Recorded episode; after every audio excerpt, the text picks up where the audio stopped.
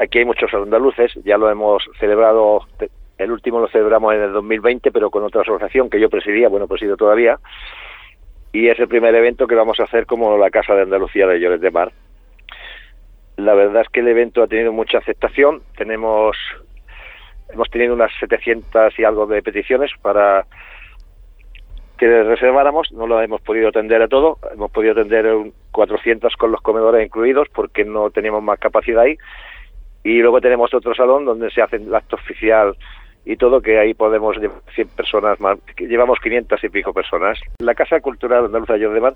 será un lugar donde compartir y disfrutar de, la, de las dos culturas, la catalana y la andaluza, y además todas las que se quieran unir a través del desarrollo de actividades culturales, educativas y recreativas que fomenten el intercambio sociocultural.